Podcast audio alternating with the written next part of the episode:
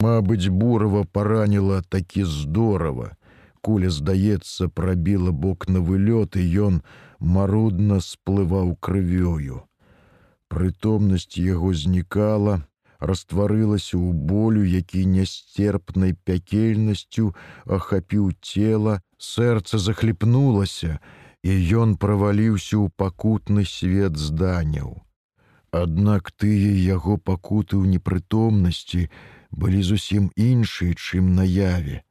Там ён трываў болей душэўна, а фізічна адчуваў сябе хіба дашчэнту знямоглым, з ватнымі нагамі, такімі ж пазбаўленымі сілы рукамі. Аднак ён трымаўся імі за край кузава сваёй палутаркі, якая кацілася пад адхон па дарозе да залескага возера, дзе быў масток цераз пратоку ў другое меншае возера. Ды ўся бяда ў тым, што масток той знік, На берагах нават не засталося ягонага следу, Палутарка разгоніста набірала хуткасць, і ён не мог ускараскацца ў кузаў, каб неяк спыніць яе. Чаму яна пакацілася, таго ён не ведаў. Можа, ён не паставіў на тормоз, а можа, там хто кіраваў ёю, але так ці інакш, неўзабаве машына павінна была скульнуцца з абрыву.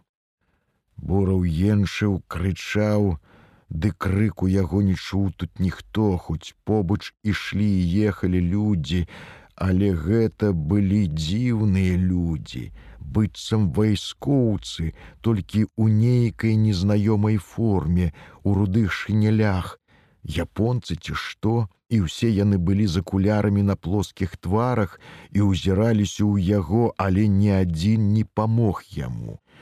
І вось урэшце машына паляцела з абрыва, і ён разам з ёю. Толькі ў пратоку яна не ўпала. Яна ўзнялася ў паветры, ягоныя ногі адарваліся ад зямлі, ён падняўся, учапіўшыся за борт, і то іх палёт нечакана здаўся мяккім, плаўным, нават прыемным, калі б не страх вышыні. Зямля аддалілася, знікла, навокал была цёплая лагодная прастора, у якой прагырчэў чысці голас і сціх. Здаецца, голас пытаўся штосьці, але бураў не мог зразумець, хто і пра што пытаецца, тое прычыняла яму пакуты, як і яшчэ адна акалічнасць. Вакол стала цёмна, і ён занепакоіўся, Як жа ў цемры спусціцца яму на зямлю з няўключанымі фарамі. Сапраўды навокал было цёмна і сцюдзёна. Ён ляжаў на зямлі, гэта пэўна, але без машыны. Палутарка яго дзесьці знікла, і нейкі інакшы голас ціха зусім па-зямному пытаўся: « Ты жывы, га? Ён хацеў сказаць, што жывы, але не разумеў, дзе ён і што з ім сталася, чаму ён ляжыць, і хто гэта побач. Здаецца, павінен быць войцік, з ім жа яны паехалі ў масцішча. А навошта яны ехалі ў масцішча, А, забіць здрадніка. Яны, здаецца, яшчэ і цяпер едуць, толькі чаму так цёмна? І чаму ён гэтак няўклюдна распяты, вісіць дзесь на руках, а ногі часам валакуцца па лісцвяным долі, ногі сапраўды ватныя, без сілы, а пад шчакой штосьці мяккае і цёплае, і пахне чалавечым потам. Толькі куды ж пропала палутарка? Ах ягоная палутарка біты разнешчасны грузавічок маркі газ а а. Колькі ён натрываўся ад яе ды да разам з ёю колькі ягоных спадзяванняў нарадзілася і перагарэла на гэтай машыне і як усё недарэчна скончылася. Пра машыну ён марыў даўно. Мабыць, таго восеньскага дня, як упершыню згледзеў яе на станцыі, Гэта прыехалі нейкія экспедытары з віцебска, і яна стаяла ля прывакзальнага скверыка, магутная трохтонка на вялізных гумовых колах. У яе утульнай зашклёнай кабінцы сядзеў шафёр з вялізнымі акулярамі над казырком, абапёршыся на руль, ён пазяхаў, мабыць, чакаў астатніх. Трое пасялковых сяброў падшыванцаў спярша ўглядаліся ў яе здаля, пасля падышоўшы бліжэй, памацалі яе тугія гумовыя колы, дашчаны кузаў под ножку. Вельмі хацелася паглядзець ім, што ў кабінцы, але яны баяліся дзядзькі шафёра, які ўсё круціў галавой ды барабаніў пальцамі па чорным баранку рулі. Буру тады не зводзіў з ягонага твару улюбённага позірку і, мусіць, тым дамогся свайго. Шафёр павярнуў галаву і спытаў ляніва, але з жартоўнай добрасцю ў голасе: « Што, хочаш піпікнуць? Хачу, раптам сказаў колька, і той шырока расчыніў кабіну: « А ну, лезь сюды. Колька з дрыготкім сэрцам ускочыў на падножку, шафёр пасунуўся на мяккім сядзенні, і ён умасціўся побач, а беруч, ашчаперыўшы слізкі кругляк руля. Яму ўжо ўявілася, што яны едуць далёка і шпарка і побач зяюць у захапленні хлапечыя позіркі, усе шалёна зайздросцяць яму, А тут яшчэ шафёр кажа: « А ну, ціскані гэта і паказвае на чорны гузачок пасярод руля. Колька ціскану і зараз жа скалануўся ад нечаканага рыку, што пагрозліва раздаўся ў жалезным нутры машыны. Шафёр засмяяўся, паляпаў яго па плячы, Не палохайся, падрасцеш на шафёра вывучышся. Кольку бурава нібы падмянілі ў той лістападаўскі дзень, аўтамабіль для яго стаў марай. Ён пільнаваў кожную машыну на вуліцы, хоць іх было яшчэ мала, і яму яшчэ мо разы чатыры шчасціла бачыць іх пераважна на станцыі ля грузавога двара. Яшчэ гады праз чатыры, калі ён добра падрос, На машыне стаў працаваць дядька ігнат, бацька ягонага аднакласніка стася, і тут ужо колька ўвесь вольны час прападаў на сядзібе сябра, пільнаваў ягонага бацьку, калі той прыязджаў на абед, і яны мелі караценькую магчымасць пасядзець трохі ў цеснай, напечанай сонцам, але такой утульнай кабінцы. Але стась не дужа захапляўся машынай. Яму болей даспадобы былі трусы, якіх была процьма ў іхняй вараўні і якія зусім не цікавілі кольку. І калі неяк летам дядзька ігнат узяўся за рамонт свае трохтонкі, яго першым добраахвотным памочнікам стаў колька.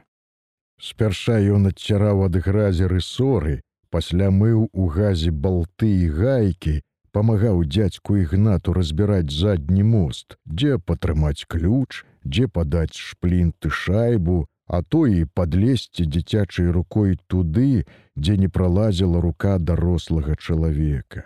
Затым яны тыдзень корпаліся ў рухавіку, і дядзька ігнат тлумачыў хлопцу навошта патрэбны шатуны і поршні, і як яны круцяць каленчаты вал, як перадаецца ягоная энергія на колы і адкуль куды ідзе электрычнасць і як яна запальвае гаручае ў цыліндрах. Коля быў хлопец кемлівы і запамінаў усё да драбніц. Слава Богу, тады ўжо вучыўся ў сёмым класе.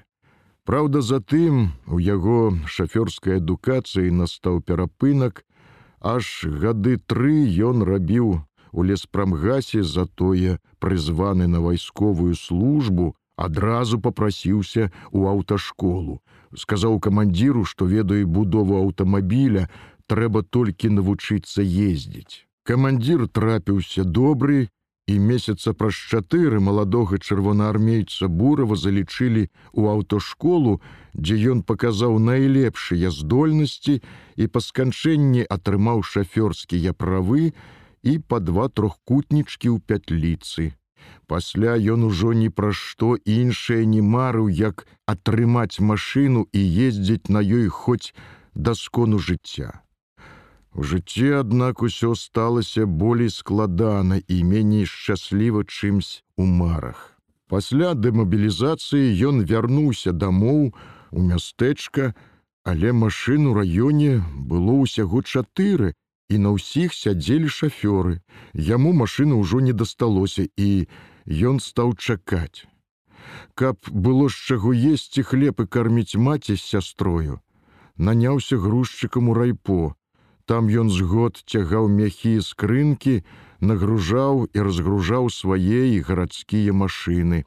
Неяк увосені часова падмяніў на трохтонцы хвастова, калі той захварэў і яго старэнькае амо засталася без вадзіцеля. Але хвастоў неўзабаве паправіўся, і бораў зноў мусіў падацца на апрыклы яму склад, грузіць нарыхтаваную за лета кару лазы і крушыны. І ён чакаў, упарта і настойліва, з роспачуй надзеяй, аж пакуль аднойчы пад восень, старшыня райпо пад абед не паклікаў яго ў кантору і не загадаў ехаць у віцебск на станкабудаўнічы. Рабочыя шэфы выдзелілі райпо грузавы аўтамабіль. Выправіўшы дакументы, бураў, нібы на крылах паляцеў у віцебск. З вакзала на завод ён ішоў пехатой і быў нібы ў тумане ад радасці, не заўважаў ні гарадскіх дамовак, ні трамваяў, ні пешаходаў. Ва ўяўленні яго зяў такі новенькі, зграбны грузавічок, што ён гатовы быў несці яго на руках да свайго райпа. Канешне ж, ён неўзабаве паедзе на ім па шашы, будзе даганяць, абганяць фурманкі, і ўсе будуць глядзець, як ліха і спраўна ён кіруе машынай.